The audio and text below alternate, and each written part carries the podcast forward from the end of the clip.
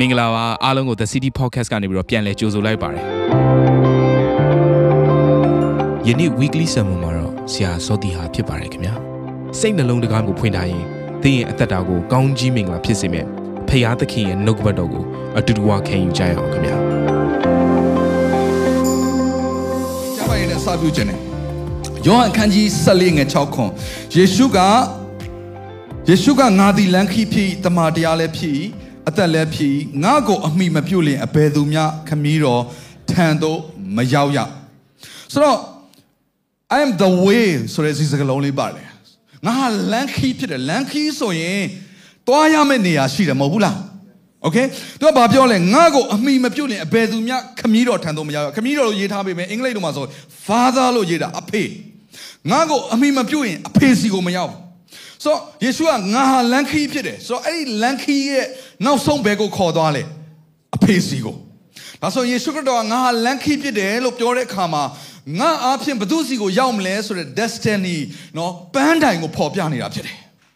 ဘောပေါက်လားမသိဘူးနော်။ဒါကြောင့်ယေရှုခရစ်တော်ဒီလောကကိုကြွလာပြီးကျွန်တော်တို့ကိုရွေးနှုတ်ရတဲ့ရည်ရွယ်ချက်ကဘာလဲဆိုရင်ကျွန်တော်တို့ကိုဖခင်စီကိုခေါ်သွားဖို့ဖြစ်တယ်။ကြောက်စရာကောင်းတဲ့ဖခင်စီကိုခေါ်သွားတာမဟုတ်ဘူး။မှန်တယ်။ ထိုဖခင်စီအင်မတန်ကြောင်းမဲ့ဖွယ်ဖြစ်တယ်အင်မတန်တကိုးကြီးတဲ့ဖခင်ဖြစ်ဒါပေမဲ့ယေရှုခရစ်တော်ဒီလောကကိုကြွလာတဲ့အခါမှာသူကဘာကိုဖော်ပြရလဲဘာဘာကိုဖော်ပြတာလဲဆိုတော့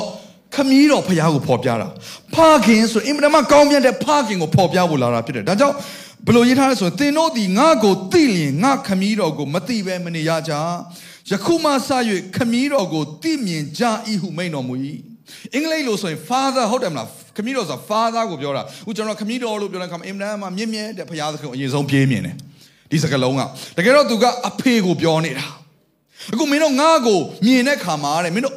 ကောင်းကင်ဖခင်ဆိုတာဘလို့ဖခင်မျိုးလဲဆိုတာမင်းတို့အခုသိကြပြီဟာလေလုယာကောင်းကင်ဖခင်ကချစ်ဖွယ်ကောင်းတဲ့ဖခင်ဖြစ်တယ်ကျွန်တော်တို့ကိုဂယုဆိုင်တဲ့ဖခင်ဖြစ်တယ်ကျွန်တော်တို့ကိုတာဝန်ယူတဲ့ဖခင်ဖြစ်တယ်ဟာလေလုယာကျွန်တော်တို့ကိုထွေးပွေထားပြီးတော့ကျွန်တော်တို့ကိုကွယ်ကာထားတဲ့ဖခင်ဖြစ်တယ် ဒီနေ့ဒီမှာရှိသောအမျိုးသားတွေကျွန်တော်တို့အားလုံးကိုဘုရားခင်ဖြစ်စေခြင်းတဲ့အရာကဘာလဲဆိုရင်အဲ့ဒီကောင်းကင်ဖခင်ဟာဘာတူလဲဆိုတာကိုကျွန်တော်တို့စီကတဆင်မိသားစုတွေမှာဖော်ပြခြင်းတာပတ်ဝန်းကျင်မှာဖော်ပြခြင်းတာတိုင်းနိုင်ငံမှာဖော်ပြခြင်းတာအာမင်အာမင်ဆိုယေရှုကဒီလောကကိုရောက်လာတဲ့ခါမှာတခါလေ तू ဟာနော်အာတကိုးတွေပြဖို့ဒါဒါပဲမဟုတ်ဘူး तू ကတေခြင်းကရှင်မြတ်ထားမြောက်ပြီးတော့ကယ်နှုတ်ဖို့ဒါပဲမဟုတ်ဘူး I am the way ငါ့ကိုအမိပြုတ်ပြီးတော့ငါရဲ့ငါ့ကိုရသွားပြီဆိုရင်မင်းတို့ဘယ်ဘသူစီကိုရောက်မလဲဆိုတော့အင်မတန်ချစ်ဖွယ်ကောင်းသောဖခင်စီကိုရောက်မယ်။ဒါကြောင့်မလို့မာလခိခန်းကြီး၄မာလခိခန်းကြီးဟာမာလခိခန်းကြီး၄ကနောက်ဆုံးသောဒီဒီကျမ်းစာမှာဓမ္မဟောင်းကျမ်းရဲ့နောက်ဆုံးသောအရာဖြစ်တယ်။အရှိမဘလောက်ပဲပညာချက်တွေနဲ့နော်ဘုရားသခင်ရဲ့ဆုံးမဖြစ်တဲ့ခြင်းတွေရှိရှိနောက်ဆုံးမှာဘုရားသခင်လုပ်တဲ့အရာကဘာလဲဆိုရင်အငယ်9နဲ့6မှာကြည့်ရှုလို့ထာဝရဘုရား၏ကြောက်မက်ဖွယ်သောနေ့ရက်ကြီးမရောက်မီ ပရောဖက်အေလိယကိုသင်တို့ရှိရာသို့ငါဆေလွတ်မည်ငါသည်လာ၍သင်တို့၏ပြည်ကိုချိန်ချင်းပေးနှင့်ဒဏ်မခတ်မည်အကြောင်းထိုပရောဖက်သည်သားတို့ကိုသားတို့နှင့်အဘတို့ကို၎င်းအဘတို့နှင့်သားတို့ကို၎င်းအသင့်တင့်ဖြစ်စေမည်ဟုမိန်တော်မူ၏ဒါဘုရားသခင်ရဲ့ရည်ရွယ်ချက်ဖြစ်တယ်ဟာလေလုယာ။ကြောင့်ယေရှုခရစ်တော်ဒီလောကကိုကြွလာတဲ့ခါမှာအရင်တုန်းကမတည့်ကြတယ်ပြောရမယ်ဆိုမတည့်တယ်လို့ပြောတဲ့ခါမှာဆန့်ကျင်ဘက်ဖြစ်နေတဲ့အပြစ်သားဒီလောကသားတွေနဲ့ဖခင်ဖြစ်နေတဲ့ဘုရားသခင်ကြားထဲမှာဘာဖြစ်လာဆိုအသင့်တင့်ပြန်ဖြစ်သွားတယ် Oh restoration relationship ကပြန်ပြီး restore ဖြစ်သွားတယ် hallelujah ဘုရားသခင်ဒီနေ့ဒီလောကမှာရှိတဲ့သူ့ရဲ့သားတွေကိုခရစ်တော်အပြင်သူ့စီကိုရောက်ဖို့ရန်ဆွဲခေါ်တာဖြစ်တယ်ဘုရားနာမတော်ကြီးဘုန်းကြီးပါစေဒါကြောင့်မလို့ဒီနေ့ဒီမှာရှိသောအမျိုးသားတိုင်းဒီနေ့ကိုယ့်ရဲ့သားသမီးရှိသောအိမ်တော်ပြုပြီးသားသူများရှိတယ်ဆိုရင်သင်ရဲ့ပထမဦးဆုံးသောဘုရားရှင်ပေးတဲ့တာဝန်ဟာဖခင်ဖြစ်ခြင်းဇီဝရေးလုပ်ဖို့လည်းပထမမဟုတ်သေးဘူး။အိုးကိုယ့်ရဲ့မိသားစုတခါလဲနော်ဟို ဟိုဟိုအကောင်ဆုံးအဆောက်အဦတွေဝယ်ပေးဖို့အကောင်ဆုံးပစ္စည်းတွေဝယ်ပေးဖို့တခါလေအလုပ်လုပ်ပြီးတော့ငွေတွေကိုကိုယ့်ရဲ့ဇနီးတဲ့အဖို့ဒါတွေလည်းပထမမဟုတ်ဘူးပထမဦးဆုံးဘုရားရှင်မိသားစုဖြစ်လာတဲ့ခါမှာကျွန်တော်ပြောတယ်မိသားစုဖြစ်လာတဲ့ခါမှာတင့်ကိုပထမဦးဆုံး assignment ပေးတဲ့ assignment ကဘာလဲဆိုရင်ဖခင်တယောက်အဖြစ်တင့်ရဲ့မိသားစုမှာယက်တီဖို့ဖော်ပြဖို့ဖြစ်တယ် သင်ဟာဖခင်တယောက်ဖြစ်တယ်ဆိုရင်ဘလို့ဖခင်မျိုးပုံစံဖော်ပြရမလဲဆိုတော့သင်သိချင်မှသိလိမ့်မယ်။ဒါပေမဲ့ကောင်းကင်ဖခင်ဖြစ်တဲ့ဖခင်သခင်နဲ့သင်ယဉ်ကျေးကျွမ်းဝင်ခြင်းရှိပြီဆိုရင်ဖခင်တယောက်ဟာဘလို့အသက်ရှင်ရမလဲဆိုတော့သင်ကောင်းကောင်းသိသွားပြီ။အာမင်ဘုရားခင်နဲ့အဆက်အသွယ်ပြတ်သွားပြီဆိုရင်တော့သင်ဟာသင်မှာကလေးတွေဘလောက်ပဲရှိစာအုပ်တွေဘလောက်ပဲဖတ်ထားဖတ်ထားသင်တန်းတွေဘလောက်ပဲတက်တက်ဖျားသခင်နဲ့အကျွမ်းဝင်မှုမရှိတဲ့အခါမှာသင်ကိုယ်တိုင်ကဖခင်ရဲ့မြတ်တာကိုမခံစားရတဲ့အခါမှာကိုယ့်ရဲ့သားသမီးတွေကိုကောင်းကင်ဖခင်ရဲ့မြတ်တာကိုပြန်မပေးနိုင်တော့ဘူး ကိုယ့်ရဲ့လောကမှာရှိတဲ့ဖခင်အရင်တော့နော်ကိုကသားသမီးမမွေးခင်မှာကိုကအရင်ဆုံးသားဖြစ်ခဲ့ရတာကိုကိုယ့်ရဲ့လောကမှာရှိတဲ့ကိုယ့်ရဲ့ဖခင်ရဲ့နော်မေတ္တာကကိုယ့်အပေါ်မှာအကန့်အသတ်ရှိနိုင်တယ်ကိုယ့်ကိုနားလည်မှုအပြည့်အဝပေးခြင်းမှပေးနိုင်မယ်ချို့သောလူတော်တော်များများဆိုကောင်းတဲ့ဖခင်တွေမရခဲ့ကြဘူး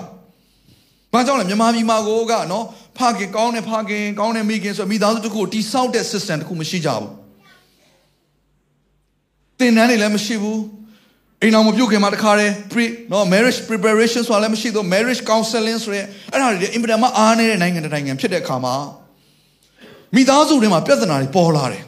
ဇနီးမောင်နဲ့ကြားတယ်အဲ့ရနေဘယ်ကိုရောက်သွားတယ်သားသမီးတွေရှိလာတယ်တခါဒီနိုင်ငံဟာနော်အလုံးလောက်ကန်ရတာခက်ခဲတဲ့နိုင်ငံတစ်ခုဖြစ်တော့ကြောင်းမလို့နော်ဆင်းရဲခြင်းတွေကနေတခါတည်းရုံထွက်နေရတဲ့နိုင်ငံတစ်ခုဖြစ်တော့ကြောင်းမလို့ အိမ်အောင်ကိုဥဆောင်ရတဲ့ဖခင်တွေကရုံးကန်ရတဲ့အခါမျိုးမှာအလုတ်ရဲ့ဖိအားတွေနဲ့ကြုံလာရတဲ့အခါမျိုးမှာကိုယ့်ရဲ့သားသမီးကိုယ့်ရဲ့ဇနီးတွေကိုကောင်းမွန်တဲ့မေတ္တာနဲ့စိတ်ရှည်ခြင်းနဲ့ပြုစုခြင်းဆိုတာမတွေ့လာရတဲ့အခါမှာဒီနောက်ထပ်မွေးလာတဲ့ generation ဟာသူတို့ခံစားရတဲ့ခံစားခံစားသင့်တဲ့ဖေကောင်းကင်ဖခင်မေတ္တာကိုအပြည့်အဝမရတဲ့အတွက်ကြောင့်မလို့သူတို့ရဲ့သားသမီးတွေမွေးလာတဲ့အခါမှာလဲဘလို့ပုံစံနဲ့ကြည့်ရှုပြုစုရမလဲဆိုတော့သူတို့မသိတော့ဘူးဒီလိုနဲ့ပဲမျိုးဆက်တစ်ခုပြီးတစ်ခုလဲရင်းနဲ့နော် အဖေတော့ရှိတယ်ဒါပေမဲ့ fatherless ဖခင်မရှိသလိုခံစားရတဲ့ generation တွေဒီဒီလောကမှာပေါ်လာတယ်ဆိုတော့အဲ့ဒါအတွက်အဖြေကပါလေဒီဖခင်သခင်ကိုသိကျွမ်းခြင်းဖြစ်တယ်ဟာလေလုယာဘယ်သူကတဆင့်လဲခမည်းတော်ရောက်ဖို့ဘယ်သူစီကတဆင့်လဲယေရှုခရစ်တော်သည်ဆိုတဲ့လမ်းခီးရတဆင့်ဖြစ်တယ်ဆိုတော့ဒီဒီຢာတွေကိုကျွန်တော်တို့သဘောပေါက်ဖို့လို့အဲ့တော့ဖခင်ဖြစ်တဲ့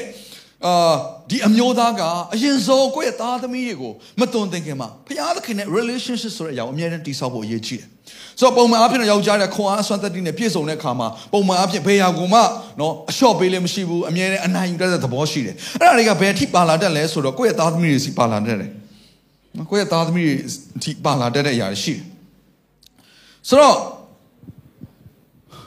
ကျွန်တော်တို့ဒီကျွန်တော်တို့ရဲ့မိသားစုကိုကျွန်တော်တည်ဆောက်တဲ့အခါမှာ ကောင်းကင်ဖခင်နဲ့ဘယ်လိုယဉ်ကျေးကျွမ်းဝင်မလဲဆိုတော့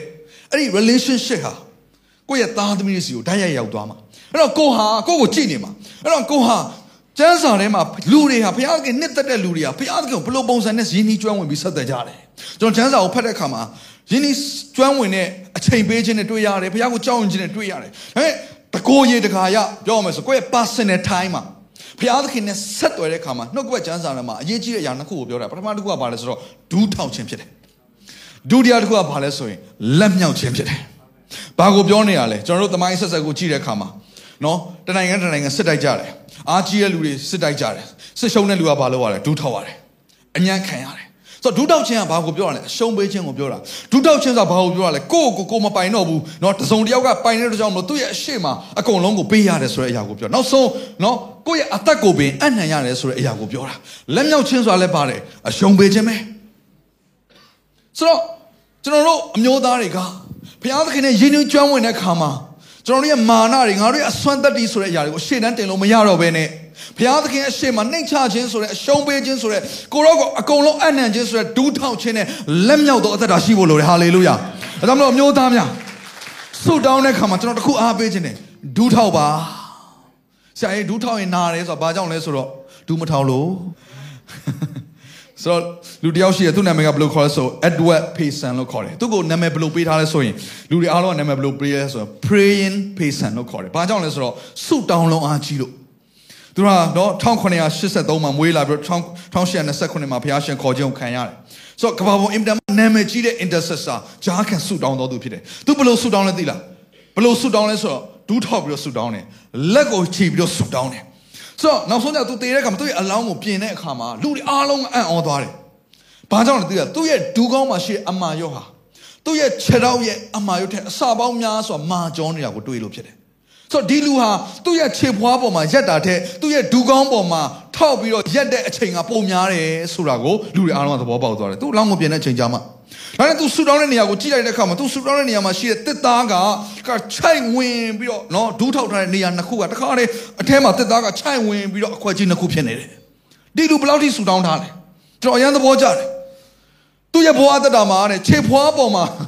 သူ့ရဲ့ခြေဖွားပေါ်မှာရက်တဲ့အချိန်တဲ့ဒူးကောင်းပေါ်မှာဒူးထောက်ပြီးတော့ဆူတောင်းတဲ့အချိန်ကပုံများတယ်ဒီမှာရှိတဲ့အမျိုးသားများကျွန်တော်တို့အတူယူရမယ့်အမျိုးသားတွေအဲ့လိုလူမျိုးတွေဖြစ်တယ်ဟာလေလုယာ ဟိုတခါလေဟိုမိတ်ကပ်တွေလိမ့်ထားပြီးတော့ဟို screen ပေါ်မှာတွေ့ရတဲ့ TV series တွေကတွေ့ရတဲ့လူတွေကိုအတူရမှာမဟုတ်ဘူးဒူထောက်ပြီးတော့လက်မြောက်တဲ့ဘုရားသခင်ကသူရဲကောင်းတွေကိုအတူရမှာဖြစ်တယ်အာမင်တော့ဘုရားသခင်အိမ်တိုင်းမှာဖခင်တွေကိုရှိစေခြင်းတဲ့အရာနော်၃ခုရှိတယ်ပထမတစ်ခုကဘာလဲဆိုတော့ priest ယေဘရဟိဖြစ်ခြင်း အိမ်တိုင်းအိမ်တိုင်းမှာရှိတဲ့ဖခင်တိုင်းဟာဒီလူမျိုးတွေကငါတော့ခလေးမရှိလို့ဆိုပြီးအေးဆေးမနေပါနဲ့အနည်းနဲ့အမြန်သင်ဖြစ်လာမှာရှို့ဆိုရင်အမြန်ဖြစ်လာမှာအချို့ကတော့တော်တော်နှေးပြီးမှဖြစ်လာလိမ့်မယ်အနည်းနဲ့အမြန်သင်ဖခင်တယောက်ဖြစ်လာလိမ့်မယ်ပထမတစ်ခု priest ဖခင်တိုင်းဟာမိမိရဲ့အိမ်မှာယေဘရဟိကဲ့သို့အမှုဆောင်မှုဘုရားအလိုရှိတယ်နှုတ်ကပတ်ချမ်းစာကိုကြည့်တဲ့အခါမှာ ယောဘရဲ့အသက်တာကိုတွေ့ရလိမ့်မယ်ယောဘခန်းကြီး1မှာကြည့်လိုက်တဲ့အခါမှာယောဘအမည်ရှိသောသူတစ်ယောက်သည်ဥဇပြည်နိုင်နေထိုသူသည်စုံလင်ဖြောင့်မတ်ခြင်းရှိဘုရားသခင်ကိုကြောက်ရွံ့တော်သူမကောင်းသောအကျင့်ကိုရှောင်တော်သူဖြစ်ဖခင်တိုင်းကိုဘုရားသခင်ကယောဘလို့ဖခင်ဖြစ်စေခြင်းဟာလေလုယာမကောင်းသောအကျင့်ကိုရှောင်တော်သူဘုရားကိုကြောက်ရွံ့တဲ့သူဖြောင့်မတ်တော်သူအဲ့ဒီဖြောင့်မတ်တော်သူစုံလင်တော်သူဘုရားကိုကြောက်တဲ့လူကဘာလုပ်လဲသိလားသူ့မှာသား9ယောက်နဲ့သမီး3ယောက်ရှိတယ်စုစုပေါင်း10ယောက်အင်မတမကြွယ်ဝချမ်းသာတော်သူဖြစ်ပေမဲ့ အဲ့ဒီသား9ယောက်သမီး3ယောက်ရဲ့ဖခင်ကဘာလုပ်လဲဆိုရင်အငယ်၄၅မှာယောဘသည်သားတို့ယောဘ၏သားတို့သည်နှစ်စဉ်အတိုင်းအသီးသီးဖွာသောနေ့ရက်ရောက်လျင်မိမိတို့အိမ်၌ပွဲခံသဖြင့်နမ3ယောက်ကိုလည်းခေါ်၍အတူစားတော်လို့ရှိကြ၏ကဘာပေါ်ကနော်ပထမဦးဆုံးသောအင်မတန်မှရှေးအကြဆုံးသော Happy birthday မွေးနေ့မင်္ဂလာပွဲဖြစ်တယ် ယောဘရဲ့သားတွေကသူတို့ရဲ့မွေးနေ့ရောက်တိုင်းမှာအမြဲတမ်းမိသားစုခေါ်ပြီးတော့ပွဲလုပ်ပြီးကျေးဇူးတော်ချီးမွမ်းနေရှိတယ်ဆုတောင်းလေးရှိတယ်စားတောင်းလေးရှိတယ်ဒီထဲမှာတော့အဲ့ဒါတွေမပါဘူးဒါပေမဲ့စားတောက်တာပဲပါတယ်နော်ချို့တော်သူတွေနဲ့တူမလားမသိဘူးမွေးနေ့ရောက်ပြီဆိုရင်ကျေးဇူးတော်ချီးမွမ်းတာဆုတောင်းတာခဏသူကစားဖို့အရင်အဲ့တော့ဒီမှာဘာလုပ်လဲသိတာပွဲခံတော်နေ့ရက်လွန်သောအခါယောဘသည်သူတို့ကိုခေါ်၍တန့်ရှင်းစေပြီးလင်ဖခင်တယောက်အနေနဲ့သူ့ရဲ့သားသမီး10ယောက်အရွယ်ရောက်နေပြီနော်ဒီလူတွေအတွက်ယောဘဘာလုပ်လဲ သူတို့ကိုခေါ်၍တန်ရှင်းစေပြီးလေနည်းနည်းစောစောထား၍သူတို့အရေးအတွက်အတိုင်းမီးရှို့သောရစ်ကိုပူဇော်လေးရှိအကြောင်းမူကားဘာကြောင့်သူဒီလိုလုပ်လဲဆိုတော့ငါသားတို့သည်မှားယွင်း၍စိတ်နှလုံးထဲ၌ဖျားသခင်ကိုစွန့်ပယ်ကြပြီလောဟုယောဘအောင်မေ၏ထို့သောယောဘသည်အစဉ်ပြုမြဲရှိတစ်နှစ်ပဲပြုတာမဟုတ်နောက်နှစ်လည်းဒီလိုပဲလုပ်တယ်နောက်လာတဲ့နှစ်လည်းဒီလိုပဲလုပ်တယ်စုစုပေါင်း10ယောက်အနည်းဆုံးတစ်လမှာတစ်ယောက်မွေးရဆိုရင်10လလောက်ရမှာရှင်းနော် မွေးနေ့ရောက်တိုင်းမှာ तू အမြဲလှုပ်တယ်ဟာတစ်နေ့လုံးလှုပ်နေတာဘာအောင်လှုပ်နေရလဲသူ့သားတွေဘုရားသခင်ကိုစိတ်နှလုံးထဲမှာပြစ်မှားမိမှာဆိုတော့ဂျားခံပြီးတော့ရစ်ပူစော်ရဲဆိုတာကဆုတောင်းခြင်းဂျားတွေကနေပြီးတော့သူတို့ရဲ့သားတွေရဲ့သမီးတွေရဲ့အပြစ်တွေကိုဘုရားသခင်ရှေ့မှာကိုတော့ခွင့်လွတ်ပါဆိုတော့ဘုရားရှေ့မှာတောင်းပန်ပေးတာဖြစ်တယ် priest ယေဘရဟိအလောက်ကပါလေဂျားခံပေးတာယေရှုခရစ်တော်ကျွန်တော်တို့ရဲ့ယေဘရဟိမင်းကြီးဖြစ်တယ်ဟာလေလုယာကျွန်တော်တို့ရဲ့အပြစ်တွေအပြင်ဘုရားသခင်စီကိုမရောက်နိုင်တဲ့အခါမှာယေရှုခရစ်တော်သည်ဂျားတွေကနေပြီးတော့ဂျားခံပြီးတော့ကျွန်တော်တို့ကိုယ်စားအသေးခံပေးသွားတယ်ယခုချိန်ထိလည်းဘုရားသခင်အတွက်ဘုရားသခင်ရဲ့ဘေးမှာတော့ခမည်းတော်ဘုရားရဲ့သူ့ရဲ့ဖခင်ရဲ့ခမည်းတော်ရဲ့လက်ရဘက်မှာထိုင်ပြီးတော့ကျွန်တော်တို့အတွက်နေညမပြတ်ဆုတောင်းပေးနေတော်သူဖြစ်တယ်အာမင်အာမင်ဟာလေလုယာဒီမှာရှိတဲ့ဖခင်တွေ တင့်သားသမီးတွေအတွက်တင့်ဇနီးတွေအတွက်ဘယ်နှချိန်များဒူးထောက်လက်မြောက်ပြီးတော့ဂျားခံဆူတောင်းပေးသလဲ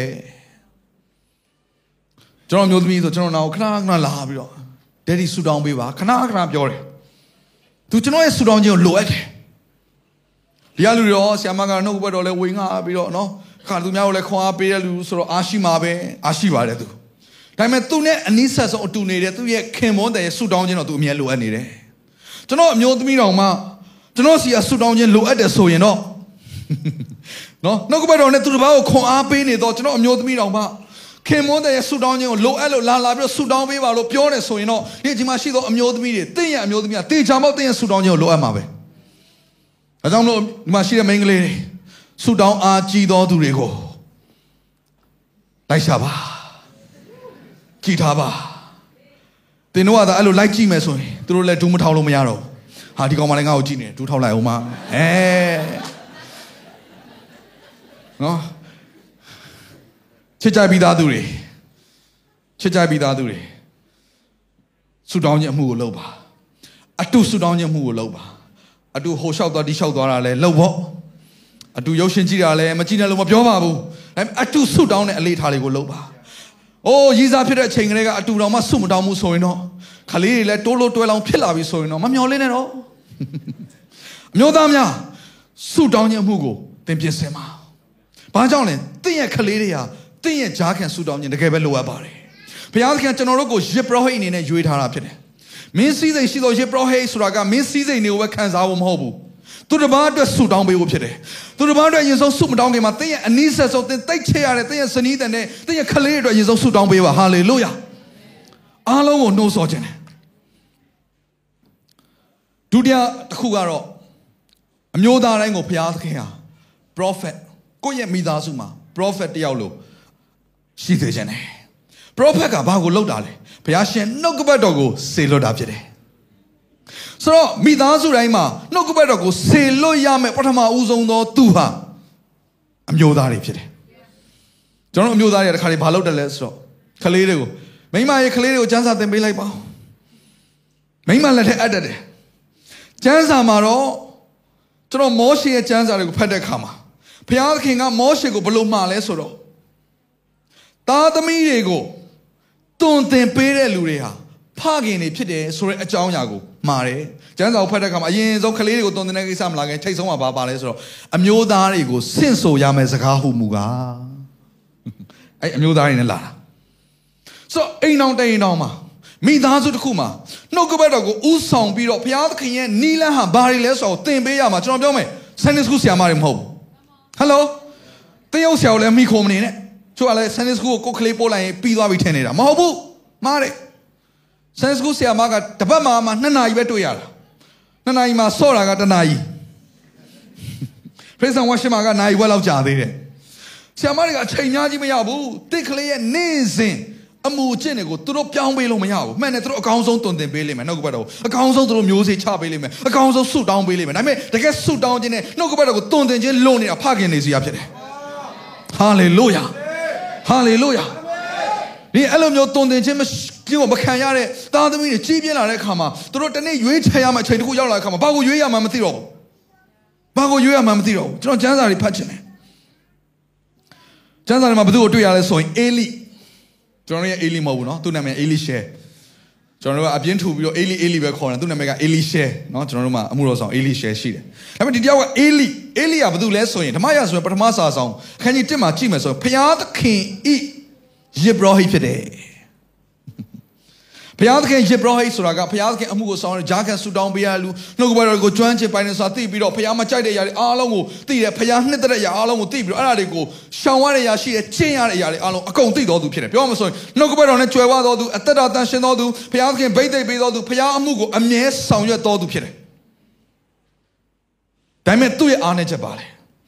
သူ့ရဲ့သားတွေကိုနှုတ်ကပတ်တော်မတင်ပေးဘူး။ကြောင့်ကျမ်းစာကဘလို့ရေးလဲဆိုရင်အဲ့ဒီ အေလိယေဘရဟိဖြစ်ရှိနေတဲ့ကာလမှာတဲ့နှုတ်ကပတ်တော်နေပါ၏ကျမ်းစာဘလို့ကြည့်လဲသိလားအခန်းကြီး3ငယ်1မှာတငယ်ရှမွေလသည်အေလိရှေတွင်ထာဝရဘုရားအမှုတော်ကိုဆောင်ရွက်လေ၏ထိုကာလ၌ထာဝရဘုရားနှုတ်ကပတ်တော်သည်နေပါ၏ထင်ရှားသောယူပါယုံမရှိဘုရားရဲ့အမှုတော်ဆောင်လေးရှိပြီးတော့နှုတ်ကပတ်တော်နေပါတာလောက်ဆုံးရှုံးတာမရှိတော့ဘူး ဘုရားရဲ့အမှုတော်ဆောင်ဖြစ်ပြီးတော့နှုတ်ကပတ်တော်ကိုမတွန်သင်ဘူးအေလိကဘသူတွေကိုမတင်တင်တာလဲသူ့ရဲ့သားတွေကိုတော့မတွန်သင်ဘူးသူ့မှာသားနှစ်ယောက်ရှိတယ်ဒါပေမဲ့ကျမ်းစာကဘယ်လိုရေးထားလဲဆိုတော့ဒီကျမ်းစာလေးကျွန်တော်ဖတ်တဲ့အခါမှာတကယ်ပဲနှလုံးသားကြေကွဲစရာဖြစ်တယ်အငယ်အခန်းကြီး1အငယ်7မှာအေလိဤသားတို့သည်ထာဝရဘုရားကိုမသိအတ္တမလူဖြစ်ကြ၏ယေဘရဟိရဲ့သားဖြစ်ရဲ့သားနဲ့နှုတ်ကပတ်တော်ကိုသိတော့ဘုရားအမှုကိုဆောင်တော့ဓမ္မအမှုတော်ဆောင်ရဲ့သားနှစ်ယောက်ဖြစ်ရဲ့သားနဲ့ဘုရားကိုမသိဘူးဘာကြောင့်မသိတာလဲ အဖေကမဆုံးပါဘူးဒါကြောင့်အမှုတော်ဆောင်ရဲ့ပထမဦးဆုံးလုပ်ရမယ့်လုပ်ကသားသမီးကိုတုံ့တင်ခြင်းဖြစ်တယ်။ဖခင်အမှုတော်ကိုဆောင်တာလည်းကိစ္စတော့မရှိဘူး။အဲဖခင်အမှုတော်ပဲဆောင်ပြီးတော့သားသမီးကိုမတုံ့တင်နိုင်ဘူးဆိုရင်တနေ့တင့်ရဲ့သားသမီးကဖခင်ရှိမှအမင်္ဂလာဖြစ်ပြီးတော့နောက်ဆုံးမှာတမျိုးလုံးကအကြိမ်ချင်းကိုခံရတယ်။အေလိယမျိုးမရှိတော့ဘူး။ကိုကတော့ဖခင်ရွေးချယ်တဲ့ဗိတ်သိက်ပေးတဲ့အမှုတော်ဆောင်ကိုသားသမီးလက်ထက်ရောက်တော့မှသူတို့ရဲ့အမင်္ဂလာကြောင့်ဖခင်ရဲ့ဗိတ်သိက်ဟာသူ့မိသားစုကခွာသွားပြီ။ဖခင်ရှင်ဘုန်းတော်ဟာသူ့ရဲ့မိသားစုမှာမရှိတော့ဘူး။ ဘာကြောင့်လဲသူ့ကြောင့်မဟုတ်ဘူးနော်ပြောမဆိုရင်သူ့ရဲ့နော်လှုပ်တဲ့အလုပ်တွေကြောင့်မဟုတ်ဘူးသူမသွန်သင်ပေးလို့သူ့သားသမီးတွေရဲ့အမင်္ဂလာကြောင့်သူ့ရဲ့မိသားစုမှာ ဘုရားရှင်ကြိမ်ချင်းရအောင်နော်ဘုရားသခင်စီကဆုံးဆုံးနော်ဘုရားသခင်ရဲ့အမှုကိုမဆုံးဘုရားရဲ့အရှင်မအာဓမလောက်အမှုတွေကိုလုပ်တယ်နောက်ဆုံးမှသူတို့ဘယ်လောက်ထိဆိုရဲဆိုအငယ်24မှာအာ sorry အငယ်20မှာအေလိသည်အရွယ်အသက်အရွယ်လွန်သောအခါသူ၏သားတို့သည်ဣသရေလလူအပေါင်းတို့၌ပြုသမျှကို၎င်းပရိသတ်စီဝေးရတဲတော်တကားနာမှာစီဝေးသောမိန်းမနှင့်မှားယွင်းချောင်းကို၎င်းကြားသိလျင်သူတို့သည်အဘဲကြောင့်ဤသို့ပြုကြသည်သင်တို့ပြုသောဒုစရိုက်တို့ကိုလူအပေါင်းတို့သည်ပြော၍ငါကြားရ၏ အဲ့ချိန်မှာအေလိကအသက်ကြီးနေပြီကျွန်တော်ပြောမယ် तू ကအသက်ကြီးပြီဆိုတော့သူ့သားတွေကလည်းအရွယ်ရောက်ကုန်ကြပြီတုံတင်လို့မရတော့ဘူးအဲ့ချိန်မှာဘာမှမမသိတော့တာငငယ်လေးကတုံတင်ခဲ့ရမယ့်ရောက်ကိုမတုံတင်တော့ကြောင့်မို့ဒီချိန်မှာအေလိကဘာပဲပြောနိုင်လဲဆိုတော့မကောင်းမှုငါသားတို့ငါကြားသောသတင်းသည်ကောင်းသောသတင်းမဟုတ်ထာဝရဘုရား၏လူတို့သည်ပြစ်မှားရမည်ကြောင့်တင်တို့ပြုကြသည်တကားအဲ့ချိန်မှာအေလီကမကောင်းဘူးဆိုတာပဲပြောနိုင်တော့တယ်ဒါပေမဲ့ဘလောက်ပဲပြောပြောသူ့သားတွေကဒူးဆိုင်ထဲကိုရောက်နေကြပြီ ဘုရားရှေ့မှာအသရေပြက်ပြီးတော့အမင်္ဂလာကိုခံရတော်သူတွေဖြစ်လာပြီအဲ့ချိန်မှာဘုရားသခင်ကရှမွေလကိုစပြီးတော့ရွေးတယ်ရှမွေလကိုရွေးတဲ့ချိန်မှာရှမွေလကတကယ်တော့နော်ပြောမယ်ဆိုရင်နော်သူ့ရဲ့အမေကအိုးနော်မြုံတဲ့ခါအရာကနေဘုရားကပေးတဲ့ခါကျဘုရားကဆူတောင်းတဲ့သူကတခါတည်းဒီသားမွေးလိုက်ကိုတော့လက်ထဲပဲအဲ့မယ်ကိုတော့အမှုတော်မြတ်ထဲပဲထဲမယ်လို့သူကဆူတောင်းတဲ့ခါဘုရားကတကယ်လဲနော်ရှမွေလကိုလည်းပေးလဲပေးတော့တခါလဲလာသားလေးပဲရှိသေးတယ်နော်ဟိုပြောမစဟိုပြောမစတနေ့သားလေးပဲရှိသေးတယ်တခါတည်းဟိုဟိုဗိမ္မာန်တော်တခါတည်းအပ်လိုက်တယ် ဘသူစီကိုလဲဆိုရင်အေလိစီကိုအပ်လိုက်တယ်ဆိုတော့ပြောမှဆိုအေလိယာနောက်တစ်ချိန်ငယ်ရွယ်သောနောက်သူနဲ့အတူအမှုဆောင်သောငယ်ရွယ်သူခလေးလေးကနေစပြီးတော့စက္ကန့်နေတဲ့မိသားစုကပေးထားတဲ့ဗိမာန်တော်မှာပို့ထားတဲ့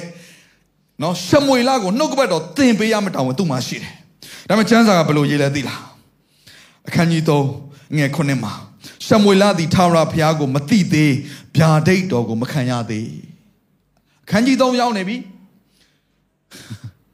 အခန်းကြီး1ကလေးကစက္ကတ်ထားတာအခန်းကြီး3ရောက်နေပြီအဲ့ခန်းကြီး3ငယ်တက်မှာတငယ်ရှမွေလသည်အေလိရှေတွင်ထာဝရဘုရားအမှုတော်ကိုဆောင်ရွက်လေ၏ဆိုအတိတ်ဘက်ကပါလေအေလိကအမှုဆောင်လုပ်ငန်းထဲမှာဒီကလေးလေးကိုအသာကုန်ခိုင်းတယ်အခုကျွန်တော်တို့ပေါ့နော်လောက်ခိုင်းတာပေါ့တင်ပေးတာပေါ့ဟာဒါကတော့ရစ်ပူစရာဒီလိုကဲဒီဟာကတော့နော်ဒီလိုလောက်ရတယ်စသဖြင့်ပေါ့နော်သူရဲ့ဟိုလက်တို့လက်တောင်းလေးဖြစ်မှာကဲဟိုဟာလေးသွားယူဒီဟာလေးသွားယူဒါမှမဟုတ်ကဲအာရှာလောက်ပေါ့အခုခင်းနေဆိုရင်တော့ စသဖြင့်ပေါ့ကလေးတွေကိုတခါလေးအမှုဆောင်လုပ်ငန်းနဲ့ဆိုင်တဲ့အရာတွေကိုသင်ပေးတယ်ဒါပေမဲ့ तू ဘာမသင်ပေးဘူးလဲဆိုတော့နှုတ်ကပတ်တော်မသင်ပေးဘူးနှုတ်ကပတ်တော်မသင်ပေးဘူးအလုပ်ပဲခိုင်းထားတာအမှုဆောင်လုပ်ငန်းထဲမှာပဲထည့်တာဒါကြောင့်မို့ကျွန်တော်ပြောပြမယ်ဘုရားသခင်အမှုဆောင်လုပ်ငန်းအရေးကြီးလားအရေးကြီးတယ်ဒါပေမဲ့နှုတ်ကပတ်တော်ကအရင်ဆုံးဖြစ်တယ်မိသားစုမှာစီးပွားရေးလုပ်ငန်းအရေးအရေးကြီးလားအရေးကြီးတယ်စားဖို့လိုတယ်လေဒါပေမဲ့အဲ့ဒါမတိုင်ခင်မှာနှုတ်ကပတ်တော်အရေးကြီးဆုံးဖြစ်တယ်ညီကောင်မောင်မတို့သူတို့ခလေးငယ်ရွယ်တဲ့အချိန်မှာသိချသွန်တယ်မှာကျွန်တော်ဒီကျမ်းပိုက်လေးကိုအားလုံးသိကြတယ် တကယ်သွားရလမ်းဝမှာဆုံးမသွန်တယ်မှာဟုတ်တယ်နော်မဟုတ်ဘူးဆိုကြီးလာတဲ့ခါကျမှ तू ကရွေးချယ်ရမယ်လမ်းနှစ်ခွရောက်လာတဲ့ခါမှာဘယ်လမ်းကိုရွေးမလဲဆိုတော့ तू သိမှာဘယ်အချိန်မှသင်ရတာလဲတငယ်ငယ်ရတဲ့အချိန်မှာသင်ရဒါကြောင့်မို့ဒီနေ့ဒီမှာလူပြိုတွေအပြိုတွေပဲဖြစ်ဖြစ်ဖခင်တော့အခုမှကလေးရတဲ့လူတွေပဲဖြစ်ဖြစ်ရှိပြီးသားတွေပဲဖြစ်ဖြစ်ဒီနေ့စပြီးတော့နောက်ဆုံးကိုကကိုယ့်ရဲ့သားတွေကကြီးသွားတော့အခုကိုယ်စကားကိုနားမထောင်တော့တဲ့အရွယ်ရောက်ရင်သူသင်လို့လို့ရတဲ့အရာတစ်ခုရှိတယ်အဲ့ဒါဘာလဲဆိုဂျားခံဆူတောင်းခြင်းဖြစ်တယ် intercessor ရှစ်ပရောအမှုကိုသင်လို့လို့ရသေးတယ် hallelujah ဟိုနှုတ်ကပတ်တော်ဆိုရဲဘယ်တော့မှနောက်ကျရဆိုတာမရှိဘူးသင်သာတကယ်သဘောပေါက်တယ်ဆိုအဲ့နှုတ်ကပတ်တော်ကိုရဲရင်သင်သားတွေကိုတုံသင်ပါအဲ့ဒါဟာမျိုးစေ့ဖြစ်သွားနိုင်တယ်ဒီနေ့သူတို့ဒုက္ခရောက်တဲ့ချိန်ကျရင်အော်ငါအဖေဒီနှုတ်ကပတ်တော်ကိုပြောခဲ့တာပဲဆိုအရာလေးကဖျားစီကိုပြန်လှည့်လာစရာအကြောင်းရှိနိုင်တယ်ဒါကြောင့်မလို့ကျွန်တော်ပြောပြမယ်လုံးဝနောက်မချသေးဘူးဟာလေလုယာမိသားစုရဲ့အတွက်မျှော်လင့်ချက်ရှိတယ်အာမင်အာမင်ဆိုတော့အဲ့တော့ဘာဖြစ်လဲအဲ့ဒီခန်းကြီးသုံးငယ်ခွန်မှာပဲရှမွေလသည်ထာဝရဘုရားကိုမသိသေးဗျာဒိတ်တော်ကိုမခံရသေးအဲ့တော့ဘုရားသခင်က နော်အေလိရဲ့နော်ပြစ်မှားအေလိရဲ့နော်ဘုရားရဲ့အမှုဆောင်ဖြစ်ရတာနဲ့ तू မလုပ်တဲ့အရာကိုဘုရားရှင်ပြန်ပြီးတော့ mention လုပ်တယ်ပြန်ပြီးတော့ပေါ်ပြနေကြဟာကျွန်တော်ဖတ်တဲ့ခါမှာအရန်တုံလှုပ်တယ်ဘုရားကဘယ်လိုပြောလဲသိတာထိုသူဤသားတို့သည်ကိုရုပ်မာသည်တိုင်အောင်ကိုပြုတ်သောဒူးစရိုက်အဖြစ်ကိုသူသိတော်လဲကြက်တီးစွာမဆုံးမပဲနေသောကြောင့်ဝါအဲ့တော့သူ့သားရဲ့အဖြစ်ကိုဘသူ့ပေါ်တင်လိုက်လဲဆိုတော့မိသားစုတစ်ခုလုံးပေါ်မှာတင်လိုက်တယ်အဖေပေါ်မှာတင်လိုက်တယ် ကြက်တီးစွာမဆုံးမပဲနေသောကြောင့်သူဤအိမ်သားတို့၌ငါသည်အစဉ်မြဲဒံပေးမည်ဟုငါပြောပြီဘယ်လောက်ထိဝမ်းနည်းစရာကောင်းလဲဘုရားသခင်အမှုကိုဒီလောက်ထိဆောင်ရွက်နေတဲ့ဘုရားသခင်ရွေးချယ်ထားတော်သူဖြစ်ရတာနဲ့ကိုယ်သားသမီးတွေကိုမဆုံးမနိုင်တဲ့အရာလေးတစ်ခုကသူတို့မိသားစုတစ်ခုလုံးအတွက်တကယ်ကိုအမင်္ဂလာဖြစ်စေတယ်။ဒါကြောင့်ဘယ်တော့မှရှော့မတက်ပါနဲ့ညီကောင်မောင်မတို့ဘယ်တော့မှရှော့မတက်ပါနဲ့မိသားစုမျိုးဝင်များကျွန်တော်တို့အခုကျင်လည်နေရတဲ့နေရာကအခုအခုကျွန်တော်တို့ကြုံတွေ့နေရတဲ့ပတ်ဝန်းကျင်ကြီးက ဟိုအဲ့ဒီအေလိခိခတဲ့ပို့ဆိုးတဲ့ပတ်ဝန်းကျင်ဖြစ်တယ်ကျွန်တော်တို့ကလေးကကျွန်တော်မသိတဲ့အချိန်မှာတို့ကြားတဲ့သတင်းစကားတွေကျွန်တော်တို့ရဲ့နားထဲမှာကြားနေရတဲ့ဆဲဆိုတန်တွေမကောင်းတဲ့အကြောင်းအရာတွေကအစပေါင်းများစွာပို့များပြီးတော့တကယ်ကိုဒူးစရိုက်လန်းတဲ့ကိုဆွဲခေါ်နေတဲ့အချိန်ကာလဖြစ်တယ်။တော့ကျွန်တော်တို့ဟာနော်အရင်ကနှုတ်ကပတ်တော်ကိုတုံသင်ခဲ့သောသူတွေထက်ပိုပြီးတော့မှကြက်ကြက်တီးတီးတုံတုံသင်ဖို့လိုတယ်။အခုဆိုရင်ကလေးတွေဟာနော်ဖုန်းတွေကိုလွတ်လပ်လပ်နော် iPad တွေကအစလွတ်လပ်လပ် internet တွေကအစကြည့်နေတဲ့အချိန်သူတို့ဘာတွေကြည့်နေကျွန်တော်တို့မသိနိုင်ဘူး။ မသိနိုင်ဘူး။ကလေးချင်းချင်းသွားပြီးတော့ထင်မသိနဲ့ချုပ်ကလေးအကုန်သိနေပြီအဲ့ကလေးနဲ့ခဏလေးနိုင်ဝက်လေးထိုင်လိုက်တာနဲ့သူ့ဖုန်းလေးကိုဝင်ပြီးတော့ကြည့်အဲ့နိုင်ဝက်မှာမြင်ရတဲ့အရာအလုံးကသူ့ထဲမှာမျိုးစစ်ဖြစ်ရောက်သွားနိုင်တယ်ခဏလေးပဲတော့ဘယ်တော့မှမကြဘူး တကယ်ချင်းတယောက်လည်းဖြစ်နိုင်တယ်အခုမှအဲ့နေမှာမှသိတဲ့လူငယ်လေးတယောက်လည်းဖြစ်နိုင်တယ်အဲသူ့ရဲ့ကိုယ်ပိုင်ဖုန်းလေးကနေသူ့ဖုန်းလည်းမဟုတ်ဒါပေမဲ့ဒီတိုင်းမှာထိုင်ပြီးတော့အတူကြည့်တဲ့အဲ့မိနစ်ပိုင်းလေးကပောက်ကရတွေဖြစ်နေတယ်ဆိုရင်တော့အဲ့ဒါမျိုးစစ်ဖြစ်သွားလိမ့်မယ်အဲ့ဒီမျိုးစစ်တွေတင်းရဲ့သားသမီးတွေထဲမှာနော်အမြင့်ဆွဲသွားပြီဆိုတော့မလွယ်တော့ဘူးနော်အဲ့ဒါကိုရှင်းနိုင်တဲ့နီလန်တစ်ခုပဲရှိတယ်အဲ့ဒါကတင်းရဲ့မိသားစုထဲမှာနှုတ်ကပတ်တော်ကိုကြက်ကြက်တီးတီးကိုဆုံးမရဖို့ဖြစ်တယ်တွင်တင်ဖို့ဖြစ်တယ်တိတ်မကြသေးခင်ကကျွန်တော်တို့ကျွန်တော်သားနော်အကြီးနဲ့ နော် तू နော် तू ဖုံသုံးတဲ့အရာလေးပေါ့နော် तू ဖုံသုံးလာကျွန်တော်တို့ तू ကလည်းနည်းနည်းကြီးလာပြီကျွန်တော်ကကျွန်တော်ရဲ့ niece တခုကဘယ်လိုလဲဆိုတော့သူတို့ကိုဖုံလုံးဝမသုံးခိုင်းတာမဟုတ်ဘူးဖုံသုံးရမယ်ဒါပေမဲ့ဖုံကိုသုံးတတ်ရမယ်ဖုံကိုနိုင်ရမယ်ဖုံကကိုယ်နိုင်သွားတာမဟုတ်ဘူး तू ကအနည်းနဲ့မြန်လူတွေကဖုံသုံးပါပဲလေဟုတ်တယ်မလားကိုကအခုဖုံမသုံးနဲ့လို့ပြောပေးမယ်လေသူတို့ကတနေ့ကျရင်ဖုံသုံးပါပဲအဲ့တော့အရင်တော့မသုံးခဲ့ရတဲ့အရာတွေကိုအတိုးချပြီးသုံးရင်ပိုဆိုးသွားတယ်အဲ့တော့ကျွန်တော်ကသူ့ကိုအဲ့ သူ့ကိုဖုံးပေးပြီးတော့ဒီဖုံးကိုဘယ်လို management လုပ်ရလဲဆိုတဲ့အရာလေးကိုကျွန်တော်ကတင်တင်မို့စူးစမ်းရင်းကနေပြီးတော့ကျွန်တော်ခီးထွက်တာနည်းနည်းများသွားတယ်ထင်တယ်ဆိုတော့မထင်မှတ်ထားတဲ့တစ်ပတ်နှစ်ပတ်အတွင်းမှာသူဖုံးဆွဲသွားတယ်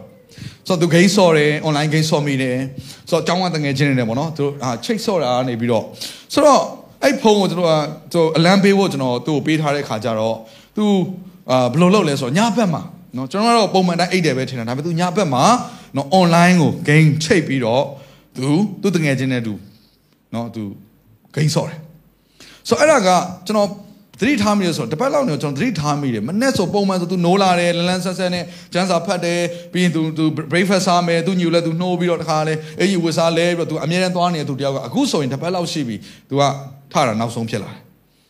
တိတ်မကြသေးဘူးတိတ်မကြသေးဘူးနောက်ဆုံးဖြစ်စမောသူပြီးရင်လည်းသူကထမင်းစားရမဟုတ်ပဲအင်ကြီးဝစ်စားလဲပြီးတော့ဆိုဖာမှာထိုင်ပြီးတော့အေး မဟုတ်ညာကလည်းစောစောအေးရဝင်လာပဲဒီကောင်ဒီတော့အိမ်မလားပေါ့ဆိုလုံးဝကျွန်တော်သတိထားမိတဲ့ຢာကစနေနေ့မှာဖြစ်သွားတယ်ဆိုတော့တောက်ကြနေပြန်လာတဲ့ခါမနေ့ပြန်အကြောင်းမရှိတော့လေစနေနေ့ဆိုအကြောင်းပေးတယ်ဒါပေမဲ့စနေနေ့မှာအကြောင်းပေးတယ်ဆိုကျွန်တော်ကမနှိုးတော့ဘူးသူကတပတ်လုံးလုံးမနေ့စောစောထားရတယ်ဆိုတော့ဒီစနေနေ့ကအိပ်ပါစေဆိုတော့အိပ်ဖို့အခွင့်ပေးလိုက်တာပေါ့နော်သူညဘက်9နာရီ9နာရီလောက်အိပ်ရဝင်သွားတယ်ကျွန်တော်လည်းအိပ်ရဝင်တယ်ပေါ့သူတို့ကိုနှုတ်ဆက်ပြီးသူတို့နမ်းပြီးစုတွေပါတောင်းပေးပြီးသူဝင်သွားတယ်ဆိုတော့မနေ့မိုးလင်းလာတဲ့အချိန်ကျတော့သူမနှိုးပဲထားလိုက်တာကျွန်တော်လည်းအပြင်ထွက်သွားတော့ပြန်လာတဲ့အချိန်ကတနာရီကျွန်တော်တို့ နော်အဲကျွန်တော်ပြန်လာတဲ့အချိန်တနာရီတနာရီမှသူနှိုးတယ်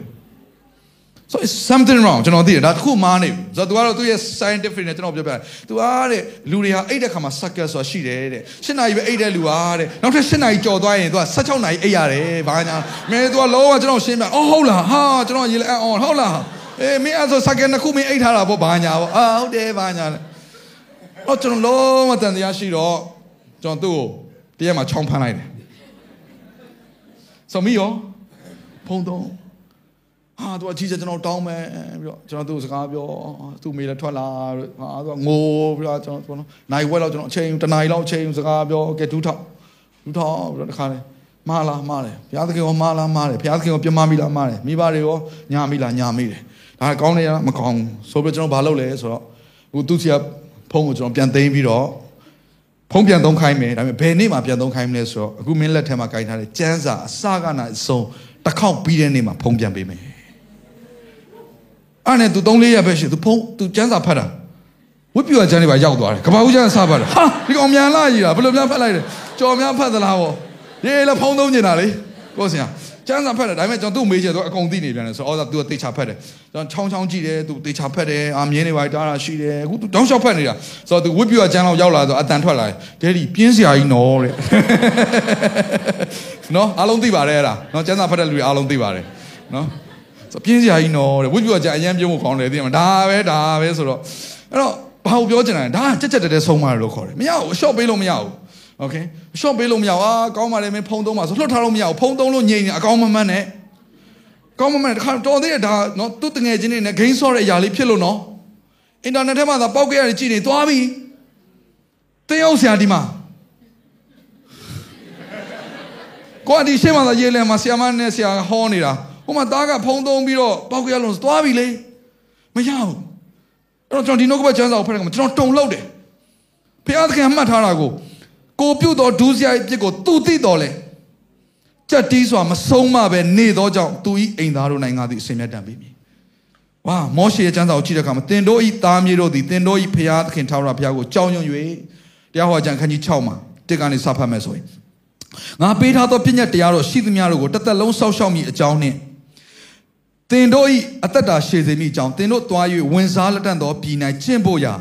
တင်တို့အားငါသွန်သင်စိတ်သောငါတင်တို့ဤဘုရားသခင်ထာဝရဘုရားမှားထားတော်မူသောစီရင်ထုံးဖွဲ့ချက်ပညာတရားဟူမူကားကြည့်နော်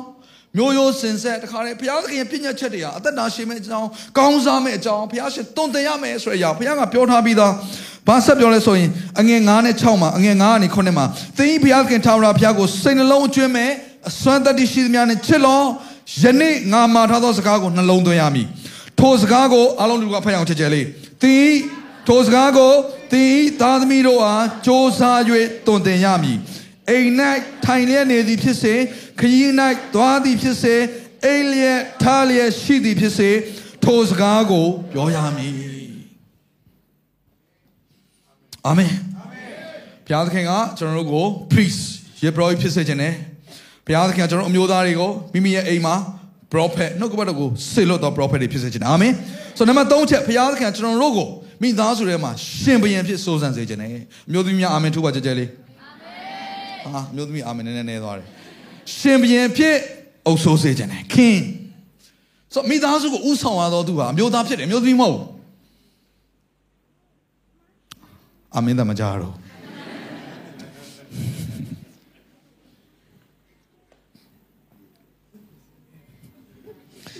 ဒါလေးဖတ်ပြမယ်တစ်ကောခန်းကြီး7ငယ်3မှာကြော်ဖတ်မယ်ပြီးရင်ဆော့ဆော့အကြောင်းလေးပြန်ပြောမယ်ယောက်ျားဤခေါင်းကခရစ်တော်ဖြစ်သည်ကို၎င်းကျွန်တော်တို့ရဲ့ခေါင်းကကအမျိုးသားတွေကျွန်တော်တို့ရဲ့ခေါင်းကဘာလုပ်လဲခရစ်တော်တေချာမှတ်တာနော်ကျွန်တော်တို့ရဲ့ခေါင်းကဘာလုပ်လဲကဲဆက်ဖတ်ရအောင်မိန်းမဤခေါင်းကယောက်ျားဖြစ်သည်ကို၎င်းခရစ်တော်ဤခေါင်းကဘုရားခင်ဖြစ်တော်မူသည်ကို၎င်းသင်တို့သိမှတ်စေခြင်းကငါလို့ရှိသင်က ဒီမိုကရေစီကိုကြိုက်လို့ပဲဖြစ်ဖြစ် human right ပဲကြိုက်လို့ဖြစ်ဖြစ် woman right ပဲကြိုက်လို့ဖြစ်ဖြစ်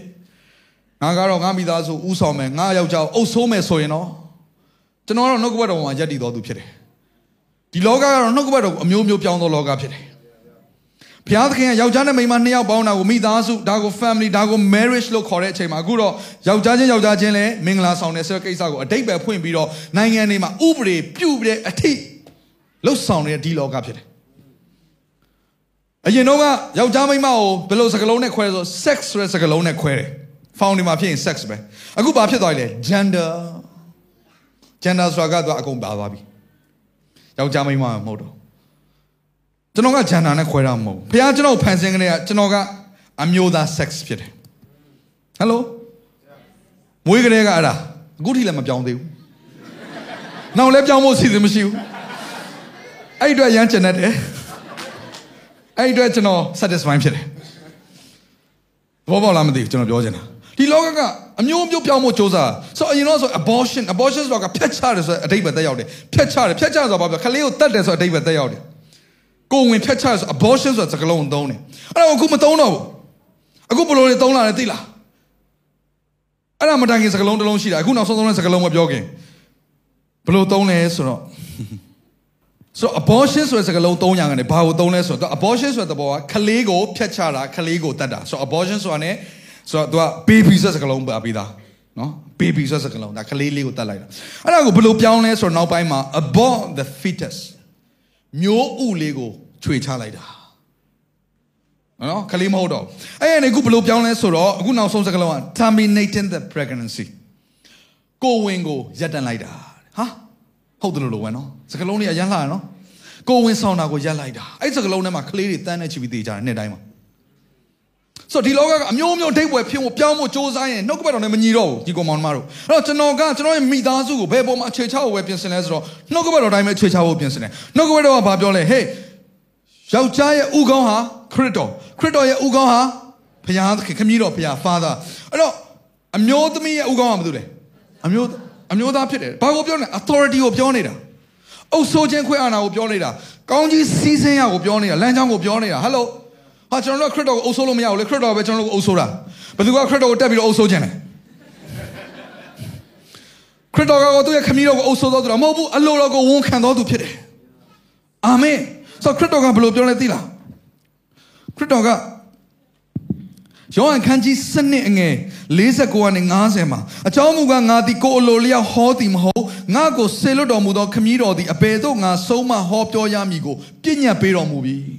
ဆိုယေရှုပြောတဲ့အရာတွေအားလုံးကခမည်းတော်ပြောခိုင်းတဲ့အရာတွေကြီးပဲအာမင်အမျိုးသမီးတွေရော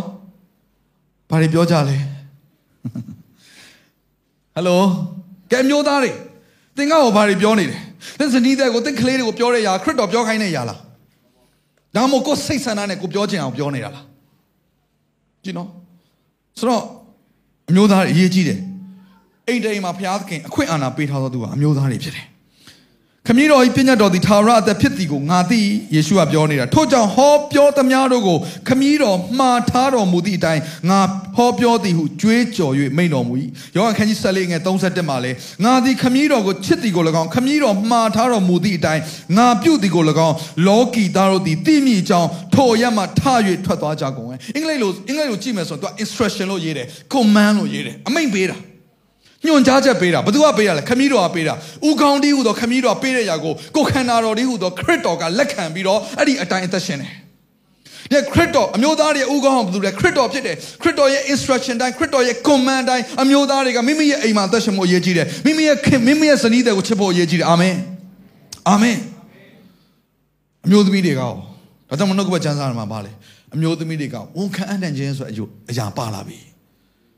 အမျိုးသားတွေကိုဝန်ခံအံ့နံမှုအဲ့တော့ကျွန်တော်ကဘာကြောင့်အရင်တော့အမျိုးသမီးတွေကဘက်ကပြောပြောနေလဲဆိုတော့ဝန်ခံအံ့နံခြင်းစရာမကောင်းတော့အမျိုးသားတွေကဥမှမူဆောင်တာနှုတ်ကပတ်တော်မှမစေလွတ်တာဆူတောင်းပေးခြင်းလည်းမရှိဘူး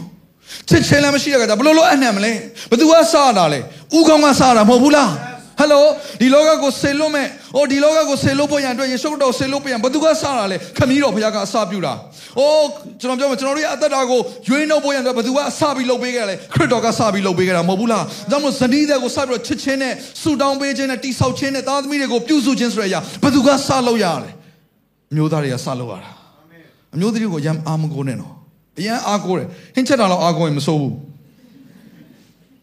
အဝိရှော်တာအားကိုတာလည်းမစိုးသေးဘူး။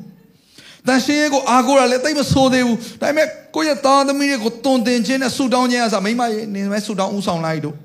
ခရီးလေးကိုနေမဲ့တခါလေကျန်းစာရွတ်ခိုင်းလိုက်တို့ဟာကိုခါလေဆန်စကူပို့တာဆိုကဲမိမရဲ့ခလေးတွေခေါ်သွားလိုက်ငါကတော့ဒီနေ့အလုပ်ရှိသေးတယ်ငါအပြင်သွားလိုက်အောင်မဆိုအဲ့ဒါမှားနေတယ်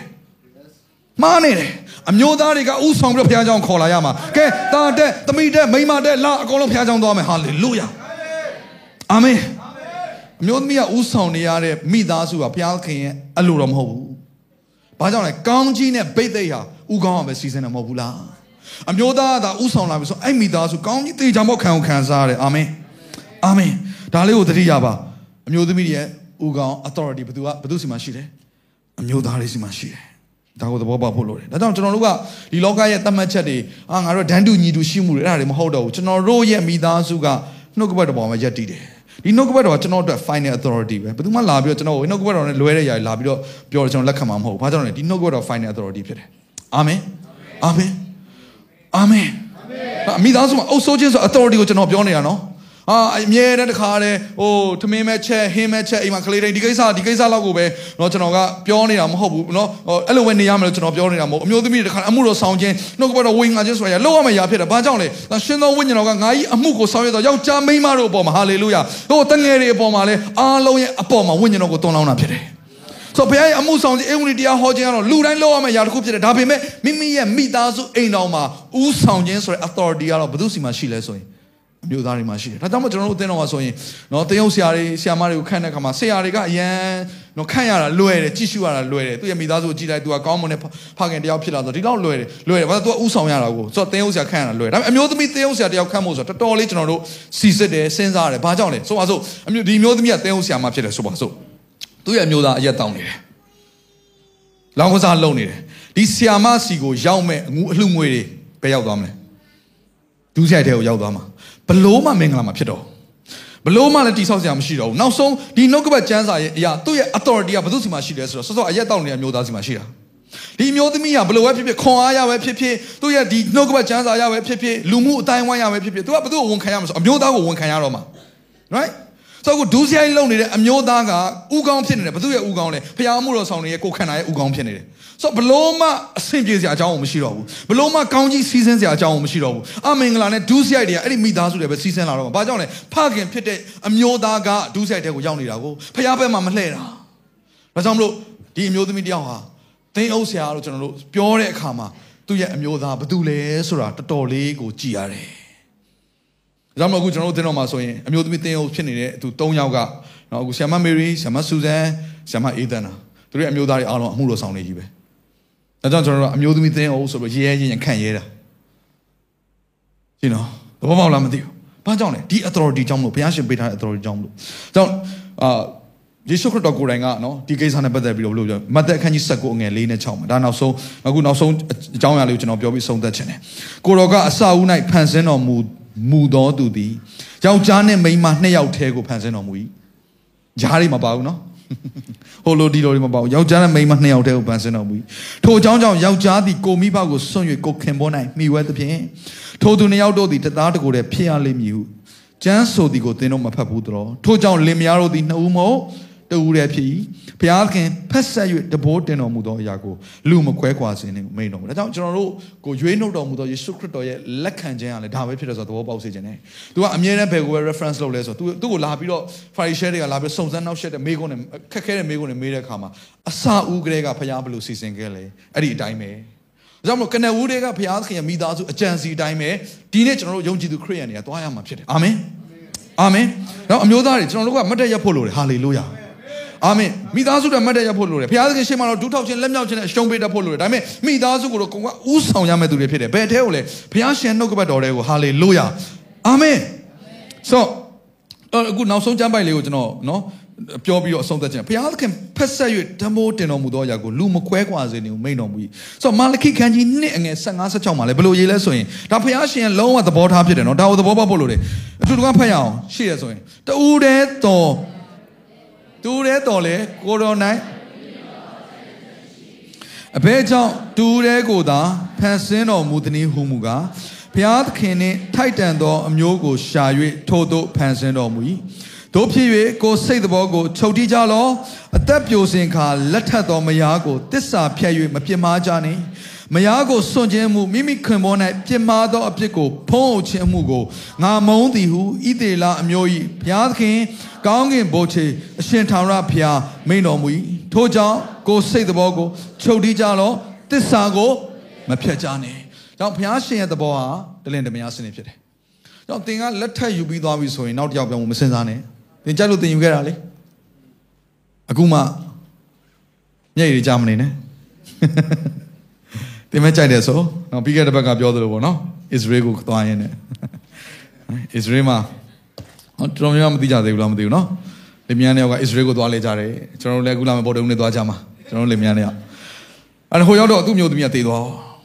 ဒါအမေရိကန်နဲ့သွားလိုက်တဲ့ခါကျတော့တည်သွားတည်လည်းတည်သွားမြုပ်ပေးမဲ့လူကပြောတယ်အစ္စရေးမှာမြုပ်ရင်1000ပဲကုန်မယ်ဒေါ်လာ1000ပဲကုန်မယ်အမေရိကပြန်ယူရင်9000အထက်ကုန်မယ် အမျိုးသားကဘာပြန်ပြောလဲဆိုဘလောက်ပဲကောင်းကောင်းအမေရိကန်ကိုပြန်ခေါ်သွားမယ်ဟာဆရာဒီတော့ဈေးကြီးတာဘာလို့ခေါ်သွားမှာလဲအစ္စရေးမှာမြုပ်ရင်ပြန်ရှင်လာမှာဆိုလို့နော်ဆိုတော့ယူတော့ကယူထားပြီးပြီနော်ယူတော့ကယူထားပြီးပြီအဲ့တော့နောက်တယောက်ပြောင်းဖို့မစင်စားနဲ့ဖះရှင်သဘောကတည်တယ်မညာစနစ်ဖြစ်တယ်ဒါကြောင့်ဒါကိုသဘောပေါက်အောင်ဒါကြောင့်အသင်းတော်တွေမှာဆိုဒီယာကိုပဲဒီယာကိုပဲကျွန်တော်တို့က practice လုပ်အောင်မှာဖြစ်တယ်သင်းဟုတ်ယာကိုတောင်းတတော်သူဒီကောင်းသောအမှုယာကိုတောင်းတသည်ဟူသောစကားသည် မှန်သောစကားဖြစ်တိတိခန်းကြီးသုံးငယ်တက်မှာထို့ကြောင့်သင်ဟုတ်သည်အပြစ်တင်ခွင့်နှင့်ကင်းလွတ်တော်သူမယားတယောက်တည်းရှိတော်သူတမာသတိရှိတော်သူအိန္ဒြေဆောင်တော်သူလျှောက်ပတ်စွာကျင့်တော်သူဧည့်သည်ဝတ်ကိုပြုတတ်တော်သူဆုံးမဩဝါဒပေးတတ်တော်သူဖြစ်ရမည်စပြည့်ရည်နှင့်ပျော်မွေ့ခြင်းသူတစ်ပါးကိုရိုက်ပုတ်ခြင်းမစင်ကြသောစီးပွားကိုတတ်မှတ်ခြင်းမရှိစိတ်ဖြင်းညင်းတော်သူ ရံမတွေ့တတ်တော်သူငွေကိုမတတ်မှတ်တော်သူဖြစ်ရမည်မိမိအိမ်ကိုကောင်းမွန်စွာအုပ်ဆိုး၍တမာတရိရှိသည်နှင့်မိမိသားသမီးကိုဆုံးမနိုင်တော်သူဖြစ်ရမည်မိမိအိမ်ကိုမအုပ်ဆိုးလျင်ဘုရားခင်အသင်းတော်ကိုအဘယ်သို့ပြုစုလိမ့်မည်နည်းအသင်းတော်မှာသင်းအုပ်တွေခေါင်းဆောင်တွေခန့်တဲ့အခါမှာဘုရားရှင်ရဲ့သဘောထားသည်သူကမိသားစုကိုကြည်ရတာဖြစ်တယ်ဆိုတော့ elder ဆိုတဲ့သင်းထောက်တွေကလည်းဒီလိုပဲသင်းထောက်သည်မယားတယောက်တည်းရှိရမည်မိမိသားသမီးနှင့် အိမ်သူအိမ်သားကိုကောင်းမွန်စွာအုပ်ချုပ်တော်သူဖြစ်ရမည်အကြောင်းမူကားတင်းထောင်မှုကိုကောင်းစွာဆောင်ရွက်တော်သူတို့သည်မိမိတို့ဖို့ကောင်းသောအရာကို၎င်းယေရှုခရစ်၌ယုံကြည်ခြင်းနှင့်ရဲရင်ခြင်းတတ္တိကို၎င်းအမြန်ရကြ၏ဒါကြောင့်ကျွန်တော်တို့သင်တော်မှာရဲရင်တော်သူတွေယုံကြည်ခြင်းအားကြီးတော်သူတွေဖြောင့်မတ်တော်သူတွေဆုံးမဩဝါဒပေးနိုင်တော်သူတွေမယားတယောက်တည်းရှိပြီးတော့ နော်တကယ့်ကိုမစင်ကြတဲ့စီးပွားကိုမတက်မဖဲနဲ့ကာမဂုဏ်ကိုချုပ်တီးပြီးတော့တခါလေလူတွေကိုတမန်တရားလမ်းနဲ့ကိုဆွဲခေါ်နိုင်ပြီးတော့မိမိရဲ့မယားကိုလည်းချစ်တော်ခေါင်းဆောင်တွေအများကြီးကိုလိုအပ်လေရှိတယ်အာမင်အဲ့လိုမိသားစုတွေသာပေါ်ထွက်လာပြီဆိုတော့နေမြန်မာပြည်ကမနှိုးထနိုင်စရာအကြောင်းရှိကုန်မရှိဘူး ဒီတနိုင်ငံလုံးမှာရှိတဲ့မိသားစုပြဿနာတွေကိုဖြေရှင်းမဲ့အရာတွေကိုလူတွေကအသင်းတော်မှာလာရှာကြလိမ့်မယ်။သင်မိသားစုကိုကြည့်ပြီးတော့လူတွေကသင်စီမှာလာမေးကြလိမ့်မယ်။မင်းရဲ့မိသားစုကိုဘယ်လိုပြုစုတာလဲ။ဘယ်လိုတိဆောက်တာလဲဆိုတော့လူတွေကပုံသက်တွေယူလာကြတဲ့အခါမှာနောက်ဆုံးမှာသင်စီကတဆင့်ကောင်းမြတ်တဲ့ဖခင်ကိုလူတွေမြင်တွေ့ကြသွားကြလိမ့်မယ်။အာမင်။တော့ကျွန်တော်ပြောချင်တယ်သင်ရဲ့မိသားစုဟာနေ့စဉ်အသက်ရှင်တဲ့အင်္ဂလိပ်တရားကိုဟောလို့ရတဲ့မိသားစုဖြစ်တယ်။ဘုရားရှင်သင်ကိုအဲ့ဒီအခွင့်အာဏာပေးထားတယ်။ဘုရားနာမတော်ကြီးပုံကြည့်ပါစေ။ ဒီအစီအစဉ်လေးအပြင်တင်းရဲ့အသက်တာမှာကောင်းကြီးဖြစ်မယ်ဆိုတာကိုကျွန်တော်ယုံကြည်ပါတယ်ဗီဒီယိုကြည့်ပြီးခံယူလို့သူများအတွက်အပတ်စဉ်တရားဟောခြင်းများ Bible Study ကြီးမွန်ကိုယ်ွယ်ခြင်းနဲ့အခြားသောအကြောင်းအရာတွေဟာတင်းအတွက်အဆင်သင့်ရှိနေပါတယ် YouTube မှာ The City Space TV လို့ရိုက်ထည့်လိုက်တဲ့အခါကျွန်တော်တို့ကိုတွေ့ရှိမှာဖြစ်ပါတယ် Subscribe လုပ်ခြင်းအပြင်တင်းနဲ့ထက်ချက်မကွာအမြင်ရှိနေပါပါဒါအပြင် Facebook မှာလည်း The City ရန်ကုန်လို့ရိုက်ထည့်လိုက်တဲ့အခါတည်အချက်အလက်နဲ့ poster တွေကိုအချိန်နဲ့တပြေးညီတွေ့ရှိအောင်မှာဖြစ်ပါတယ်ခင်ဗျာ The City Podcast ကိုနားထောင်သူတိုင်းဖျားသခင်ရဲ့ထူကြသောဖွင့်ပြချက်နဲ့ကောင်းကြီးမင်္ဂလာများခံစားမိကြောင်းကျွန်တော်ဆုတောင်းရင်ဒီ season လေးကိုဒီမှာပဲညံ့ပါပါရစေခင်ဗျာ